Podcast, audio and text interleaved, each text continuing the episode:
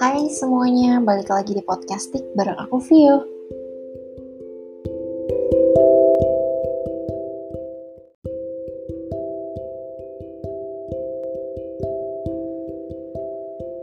Oke, jadi um, ini adalah episode yang kedua, tapi emang jedanya lama banget ya dari episode pertama sama episode sekarang kebetulan setahun ke belakang emang aku lagi banyak banget kerjaan, banyak banget masalah juga dan segala macam ya. Gak cuma itu doang. Jadi sekarang mumpung lagi ada waktu, kita mulai lagi podcasting. Tapi episode yang kedua. Oke, okay, um, kita mau ngomongin apa ya hari ini? Kayaknya kita lebih baik ngomongin tentang apa yang aku alamin setahun ke belakang, maybe. Kayaknya lebih baik itu deh. Karena um, honestly aku nggak punya script atau materi yang harus aku bawain di podcast hari ini. Jadi kita randomly um, bikin materi secara dadakan dan improve sendiri gitu. Oke, okay, um, jadi sekarang hari ini lebih tepatnya uh, aku habis KRS-an dan KRS-annya itu untuk semester 7 emang tahu mahasiswa akhir mahasiswa tua ya tinggal nunggu kapan lulus aja gitu tapi setahun ke belakang aku udah lewatin dua semester yang bener-bener bikin aku apa ya jadinya kayak just let it flow dan segala macamnya itu kayak nggak usah terlalu dipikirin gitu. Karena jujur aku itu orangnya overthinking dan overthinkingnya itu parah gitu sampai well kadang aku nggak yang tiap hari overthinking tapi sekalinya overthinking itu bisa wow kayak yang hmm udah parah banget overthinkingnya sekalinya overthinking ya, dan nggak everyday juga sih. Tapi selama semester 5 kemarin ya mungkin banyak yang bilang kalau semester 5 itu emang zaman zamannya atau waktunya untuk kita lebih stressful terus lebih capek harus gunain baterai kita semuanya tenaga kita semuanya waktu pikiran dan segala macamnya untuk di bidang akademik. Dan well aku nggak cuma di akademik akademik doang ya tapi di non akademik juga aku jalan gitu.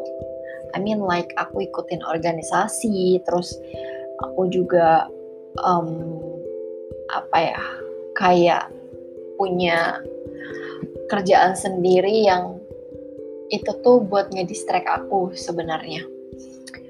Um, jadi di semester 5 itu emang sulit banget ya. Waktu itu aku baru pindah ke Jogja uh, di saat satu pandemi. Aku harus pisah sama keluarga aku, like literally papa gitu. Tapi my mom ikut sama aku ke Jogja dan adik aku juga gitu. Dan ngelewatin semester 5 awalnya sih masih mikir bakalan ya bisa having fun, bisa seneng, bisa santai. Tapi turned out ya gitu banyak rintangan dan itu bukan rintangan yang kecil rintangannya itu udah moderate to hard atau yang udah tinggi banget gitu lah.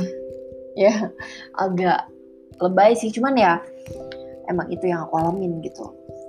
Semester 5 berjalan dan uniknya lagi tuh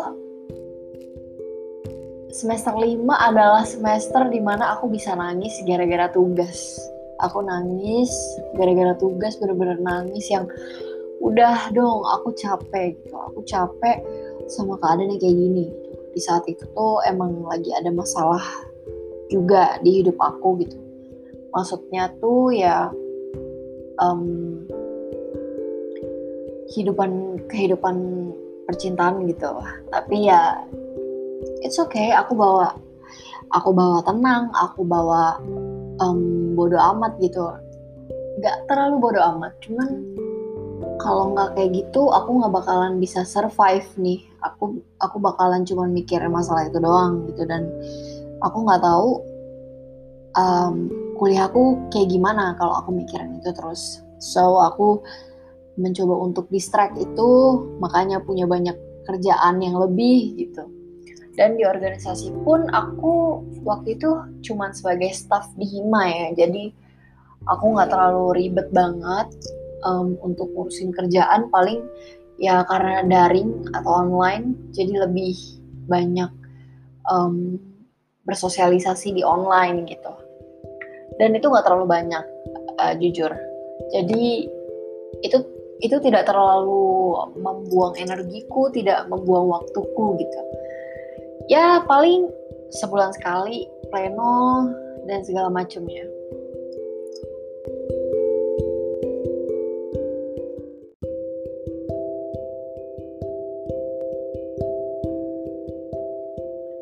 um, terus semester 5 selesai lanjut ke semester 6 semester 6 itu zaman zamannya udah mulai bodo amat. Udah mulai bodo amat, udah mulai kayak biasa aja, kayak ada tugas, oh ya udah kerjain aja gitu. Dan ada um, masalah lain kayak oh ya udah datang aja sini ke gue, gue gak masalah gitu, udah sampai segitunya mikirnya gitu, saking udah kayak um, jatuh bangun jatuh bangun jatuh bangun gitu di semester 5 jadi kayak yang semester 6 itu udah kayak yang ya udahlah gitu. Tapi di saat itu pula um, aku ngerasa kayak sebenarnya aku tuh lagi nggak baik-baik aja gitu. Aku ngerasa kok kayak kok segampang ini? Aku tuh ngomong kayak yang oh ya udah kerjain aja. Oh ya udah lanjutin aja. Oh ya udah semangat aja. Segampang itu. Dan aku di situ sampai yang kayak aku tuh kenapa sih? Kok kok aneh ya? Kok kok ngerasanya sampai kayak gini banget gitu. Padahal sebelum-sebelumnya bisa nangis terus bisa sambat terus gitu. Tapi kok di semester ini sampai yang kayak wah kok jadi gini sih gitu? Sebenarnya baik sih impactnya baik. Maksudnya um, bukan impact sih tapi kayak yang saat ngejalaninnya itu ya kita nggak terlalu mikirin um, masalahnya gitu. Tapi jadi kayak lebih aneh lagi kalau misalkan kita tuh sebenarnya sadar kita tuh nggak kenapa-napa tapi tuh kita juga nggak tahu gitu. Kita tuh kenapa gitu. Jadi istilahnya lo tahu lo nggak kenapa-napa tapi lo nggak tahu juga nih lo tuh kenapa gitu gitu gitu yang aku rasain kayak yang ya um, aku sampai yang kayak jadi aku di Jogja punya kendaraan sendiri ya punya kendaraan sendiri dan itu kendaraan roda dua motor. Nah setiap aku mau ke atas sekedar ngerjain tugas atau cuma sekedar jalan-jalan main gitu ya meskipun masih PPKM cuman waktu itu tuh masih bisa gitu. Sekedar jalan-jalan asal tetap prokes gitu. Jalan-jalan sama adek terus um, ya sekedar ngerjain tugas ngerjain proposal skripsi. Terus abis itu ya udah. Tapi sebelum memulai perjalanan itu ada setidaknya pemikiran-pemikiran yang ngebikin aku tuh jadi lebih negatif pikirannya. Dalam artian setiap aku mau ngelakuin sesuatu tuh pasti aku kepikiran hal yang negatif gitu. Contohnya waktu aku pernah aku pas mau um, nugas ke kota ya. Jadi rumah aku yang di Jogja tuh agak ke bawah gitu. Bukan agak tapi emang di bawah banget deket pantai gitu ya jadi untuk sinyal susah untuk apa susah gitu emang pedalaman banget sih. Terus akhirnya ke kota cuman buat nugas dan di situ kepikiran kayak yang aduh gue kayaknya bakalan ketabrak deh nih. Gue kayaknya bakalan mati deh hari ini gitu. Kayak yang udah mikirnya tuh kayak hari itu juga nyawa lo terakhir gitu di dunia gitu kayak yang sampai yang kepikiran kayak gitu takut sendiri gelisah sendiri nangis nangis sendiri cemas sendiri dan segala macamnya sendiri dan itu dipendem udah negatif thinking terus ber, berkeliaran di otak di pikiran gitu ya. Dan itu tuh bikin kayak yang sampai udah mengganggu banget sampai mau wudhu aja tuh udah kepikirannya itu terus gitu dan mau ngapa-ngapain tuh itu terus jadi sampai kita tuh nggak fokus sendiri gitu loh kayak orang nanya hah? Orang orang ngajak ngobrol tuh sampai kayak ah sorry sorry tadi ngomongin apa? Gitu. Sampai yang kayak gitu. Cuman waktu itu tuh emang aku belum berani buat yang uh, konsul ke ahlinya gitu. Konsul ke psikolog belum berani. Waktu itu tuh udah pernah apply buat um, konsul di kemahasiswaan. Cuman yang nggak tahu nggak ada kabar gitu. Dan aku udah kayak yang ah ya udahlah gitu. Kayak ya udah gitu. Kayaknya nggak kenapa-napa gini kayak guanya aja yang lebay gitu. Tapi ya ya mencoba um, melanjutkan ya dan akhirnya kemarin sampai mengganggu banget dan itu tuh di zamannya aku masih praktikum gitu. Dan alhamdulillahnya asisten praktikum aku atau aspek aku ini lagi ngambil S2 nih, lagi ngambil S2. Jadi kebetulan tuh saking udah nggak tahu memikir yang baik kayak gimana, akhirnya mencoba mencoba nanya um, ke asprak aku kayak mbak lagi free nggak? Atau apa gitu. Lagi nggak sibuk atau, atau gimana? Gitu. Bisa bisa diajak ngobrol nggak sekarang? Gitu. Dan akhirnya asprak aku tuh uh, nyediain waktu gitu buat aku. Dan akhirnya aku di situ cerita dan segala macamnya. Terus akhirnya diagendakan untuk terapi. Nah untuk terapi aku di situ terapinya uh, disuruh inhale exhale terus habis itu dengerin lagu yang tenang gitu. Tapi aku tuh nggak terlalu ngerasain impactnya gitu. Maksudnya impactnya jadi lebih tenang tapi ya udah biasa aja gitu. Nggak yang kayak wah tenang banget nih gue sekarang. Nggak sampai kayak gitu sih. Kayak ya udah biasa aja gitu. Nggak tahu kenapa mungkin karena di saat itu tuh lagi nggak kenapa-napa gitu. Lagi nggak ada kepikiran yang hal-hal yang buruk atau yang nggak lagi ngerasain cemas dan segala macam gitu kan. Jadi impactnya nggak terlalu gede gitu. Dan di situ tuh ya aspek aku tuh bilang kalau misalkan ya ini emang bukan um, bukan diagnosa seorang psikolog ya cuman cuman sebagai acuan aja gitu kalau aku tuh kenapa gitu. Dan akhirnya dibilang aku tuh didiagnosa um, bukan difonis ya karena baru didiagnosa dan itu tuh belum sampai ke psikolognya gitu. Itu baru hanya um, apa ya gambaran nah istilahnya gambaran umum gitu. Nah di situ tuh aspek aku tuh ngomong kalau misalkan aku tuh kena GAD nih gitu. GAD itu apa sih? GAD itu ya kecemasan umum gitu. Kecemasan umum itu ya um, kecemasan yang bisa ke-trigger sama apa pun gitu. Dan itu ya ciri-cirinya bisa cemas dan segala macamnya. Dan ya lain-lainnya bisa cek sendiri di Google dan karena itu banyak banget. Dan um, aku tuh juga selain itu ternyata aku tuh juga punya depresi tapi untungnya depresi minor. Cuman ada cumannya nih. Dep yang namanya depresi itu pasti nggak enak kan didengar.